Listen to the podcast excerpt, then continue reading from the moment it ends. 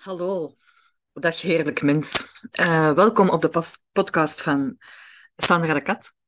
Uh, ik ben intimiteitsgids en valleicoach en ik gids mensen um, onderweg naar meer uh, bezielde intimiteit. Ik werk op twee vlakken daarop. Ik onderscheid intimiteit als emotionele intimiteit en fysieke intimiteit. Voor mij is emotionele intimiteit hoe eerlijk ben je over jezelf? Dus hoe eerlijk ben je over wat er in jou leeft? En um, durf je dat te zeggen aan de ander? In, durf je dat in verbinding te brengen? En dan fysieke intimiteit is hoe dichtbij iemand uh, fysiek mag komen. Voor mij zijn die twee onlosmakelijk verbonden. Hoe eerlijker je bent over jezelf, hoe dichterbij iemand mag komen, ook fysiek. En hoe waardevoller de intimiteit. Ik wil het vandaag met jullie hebben over um, seksualiteit en um, de taboe die rust op seksualiteit. Um, mijn podcasts duren ongeveer 20 minuutjes. Dus dan heb je een richtlijn. 20 minuten luisteren.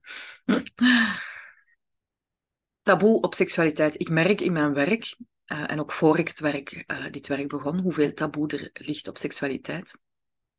Hoe moeilijk het is voor mensen om te praten over seksualiteit. Um, hoe, ja, hoe dat we dat eigenlijk samen in stand houden. Door daarover te zwijgen, door daar ja, niet eerlijk over te zijn, door dat moeilijk te vinden. En ik, dat is niet raar. Uh, ik vind dat niet raar. Uh, ik heb dat zelf ook ervaren in mijn um, in mijn relaties, hoe moeilijk ik het vond om, om dat onderwerp in te brengen. Omdat dat heel kwetsbaar is. Hè? Dat, is heel intiem. Uh, je wilt de ander geen pijn doen, je wilt de ander niet afwijzen. En tegelijkertijd, ja, is er misschien wel iets dat je niet leuk vindt, of is er iets dat je wel heel leuk zou vinden, of en zit je met iets dat je zou willen in, hè, in, in de relatie brengen. Um, of uh, zit je eigenlijk met iets dat je je afvraagt en wil het daar eens over hebben met vrienden of met vriendinnen. En vind dat ook wel best spannend om dat bespreekbaar te maken. Want op seksualiteit rust nog altijd ja, hè, enerzijds die taboe en ook een soort van prestatie. Um, wij leven nu eenmaal in een, in een um, maatschappij waarin dat seksualiteit bekeken wordt als um, ja, ook allee, prestatiegebonden is. Uh, dat, moet, dat moet deugd doen. Um, en het liefst van al ook een orgasme opleveren. En mijn intentie is eigenlijk om de taboe te doorbreken. En hoe doe je dat nu? ja, dat is door daar anders naar te kijken. Voor mij is dat wat bij mij geholpen heeft uh, om, om daarover te beginnen praten, is door gewoon anders te kijken naar seksualiteit. En daarnaar te kijken als iets dat iedereen doet. Um, dat is zoals eten. Iedereen eet. Wij vinden dat allemaal lekker, wij vinden dat allemaal leuk. Sommigen vinden dat niet zo belangrijk, hechten daar niet zoveel belang aan. Um, sommigen vinden, zijn tevreden met een diepvriesmaaltijd. Anderen kunnen uren in de keuken staan en kokerellen en vinden het heerlijk um, om de anderen te verwennen. Anderen kunnen uren in de keuken staan en vinden het heerlijk om zichzelf te verwennen. En er bestaan kookboeken, wij geven receptjes door, wij vertellen honderd uit over um, een lekkere maaltijd die we gegeten hebben. Of uh, of een lekkere maaltijd die, die, die, die bereid is, die we bereid hebben, of een lekker receptje. En eigenlijk is dat met seksualiteit hetzelfde. Er zijn mensen die seksualiteit leuk vinden. Er zijn mensen die seksualiteit niet zo leuk vinden. Uh, er, zijn mens, er zijn mensen die zoekend zijn in hun seksualiteit. Er zijn mensen die alleen zijn, die niet in een relatie zitten. Die, er zijn mensen die met verschillende mensen seksualiteit beleven. Er zijn mensen die in een relatie zitten, in een nieuwe relatie, in een um, relatie die al een tijdje duurt. En geloof mij, iedereen is bezig met seksualiteit. Dat is gewoon een, een, een aanwezig onderdeel in ons leven. Um, en als we dat nu eens bekijken zoals eten. Als we die seksualiteit nu eens gaan bekijken zoals, ja, als eten. Als een onlosmakelijk onderdeel van ieder mens, ieder levend wezen, uh, zijn leven.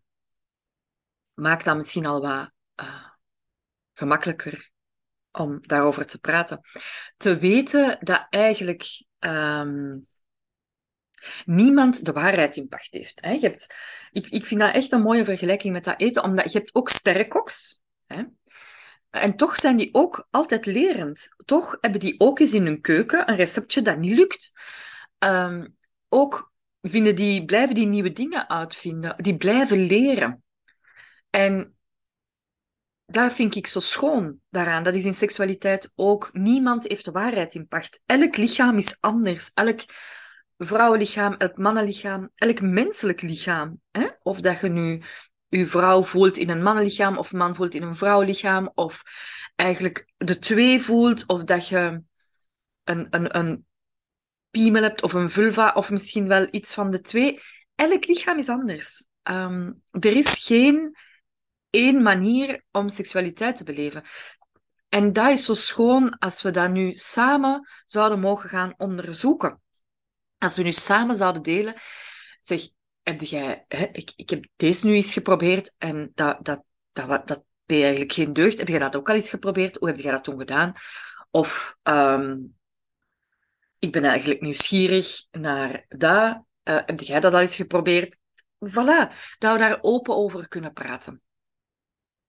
Ik weet nog toen ik begon met dit werk, um, of toen ik wist, ik ga dat, dit werk doen. Hè. Ik, ga, ik ga als intimiteitsgids aan de start, aan de slag en ik ga mensen ondersteunen in de zoektocht naar hun seksualiteit. Vertelde ik dat aan mijn ouders. Um, ik heb heel lieve ouders um, en heel katholieke ouders. Um, en ik ben opgegroeid in een gezin waar daar niet per se veel gepraat wordt over gevoelens of over, en zeker al niet over seksualiteit. Dus ik vond dat best spannend uh, om dat met hen bespreekbaar te maken en met hen te bespreken. En mijn, mijn vader was geïnteresseerd en was geboeid en hij vond het ook wel best spannend dat zijn dochter zoiets ging doen. Um, en mijn moeder zei, ja, mijn moeder had het daar wel wat lastig mee. Um, en ik zei lachend, alleen mama, nu weten wat dat je kunt zeggen tegen uh, uw broers en zussen. Als ze vragen, en hoe is het nu met Sandrake? Wat doet hij nu van werk? en ons mama zei, dat ga ik wel niet zeggen. Hè? En ik merkte, ik besefte, ah kijk, hier zijn we, dat is die taboe. Hè? Um, en dan zei ik ook tegen hun, um, en ik merkte dat dat wel iets draaide voor hun, dat dat wel ergens iets keerde. Vanaf het moment dat je een lange relatie hebt, een lange relatie, vijf jaar, zes jaar, twintig jaar hè, en langer, komt er een moment in je huwelijk dat je denkt, of in je relatie, dat je denkt, op seksueel vlak is dit het. Je, hebt elkaar, je kent mekaars lichaam, je kent de leuke plekjes, je, kent de, je hebt er wel wat. Hè? En er komt heel vaak een sleur in, of een, um, ja, of een, of een, of een, hè, een, een, een zekere saaiheid. En eh, dat is normaal. Um, of zelfs een, dat de seksualiteit afwezig blijft. Um, en dat heeft iedereen. Iedereen komt op een zeker moment in zijn of haar leven. En ik, eigenlijk denk ik dat dat bij iedereen is. Of dat je nu single, of dat je nu in een relatie zit of niet. Ik denk ook als je lange tijd alleen bent, dat dat ook gebeurt. Dat er op een moment in je leven komt dat je denkt, op vlak van seksualiteit, is dit het nu? En dat je gaat zoeken. Dat je ofwel gaat zoeken, ofwel legt er je bij neer. Ofwel zeg je, ja, ik heb daar geen ruimte voor, ik leg er mij bij neer en ik ga gewoon verder. En het voilà, ik aanvaard hoe dat het nu is en ik leg er mij bij neer. Ofwel voelde, dit is het niet, en ga de zoeken. En dan is het zo fijn als er mensen zijn uh, die dat daar open over kunnen spreken, die dat daar geen lading over hebben. Um, En ik geloof ook gewoon dat ehm, hoe, ja, hoe vervullender onze seksualiteit is, hoe vervullender wij zelf zijn, hoe gelukkiger hè, wij zijn in ons leven. Ehm, want onze seksuele, hè, seks wordt ja, in het Westen gewoon, dat is seks, hè. Ehm, maar dat is niet. Dat is niet gewoon seks. Dat is seksuele energie, dat is levensenergie, dat is de energie die, dat je, uh, die dat ervoor zorgt dat je s morgens opstaat en dat je je lekker in je vel voelt en dat je ideeën hebt, creatieve ideeën hebt om, en, en goesting om dingen te doen en dat je je vuur voelt en dat je, ja, dat je gewoon lekker in het leven staat. En het is zo waardevol om dat samen te mogen doen zonder dat daar taboe op zit. Seksualiteit is, seksuele energie is zo'n bron van kracht. En hè, zoals ik daar juist zei, dat is werkzaam op zoveel verschillende vlakken. Uh, ja, en het is zo fijn om daar open over te mogen spreken met elkaar. Voilà. Tot zover mijn betoog over laat ons seksualiteit bespreekbaar maken en laat ons het taboe uh, van seksualiteit halen.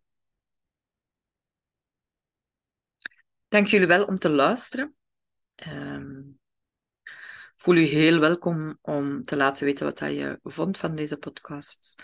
Laat me ook, voel je heel welkom om te laten weten als er een ander onderwerp is waar je over wil, wil horen, of mijn idee over wil horen, of mijn standpunt over wil horen, of mijn, mijn ervaring over wil horen. Um, ik heb helemaal niet de waarheid in pacht, verre van. Ik geloof niet dat de waarheid bestaat. Ik geloof alleen maar dat wij um, elk voor ons uh, weten wat klopt. En dat we dat samen door uh, uit te spreken wat onze ervaring is en wat klopt voor elk van ons, door dat samen te leggen, dat we een beeld krijgen van, ah, dit zou wel eens. Allee, een, een, een ruimer beeld krijgen. Um, wat dat dan misschien wel eens de waarheid zou kunnen zijn, maar ik geloof eigenlijk niet in de waarheid. Ik geloof alleen in ervaring en wat kloppend voelt voor elk van ons. Dus ik um, dank jullie wel om te luisteren en uh, tot een volgende keer.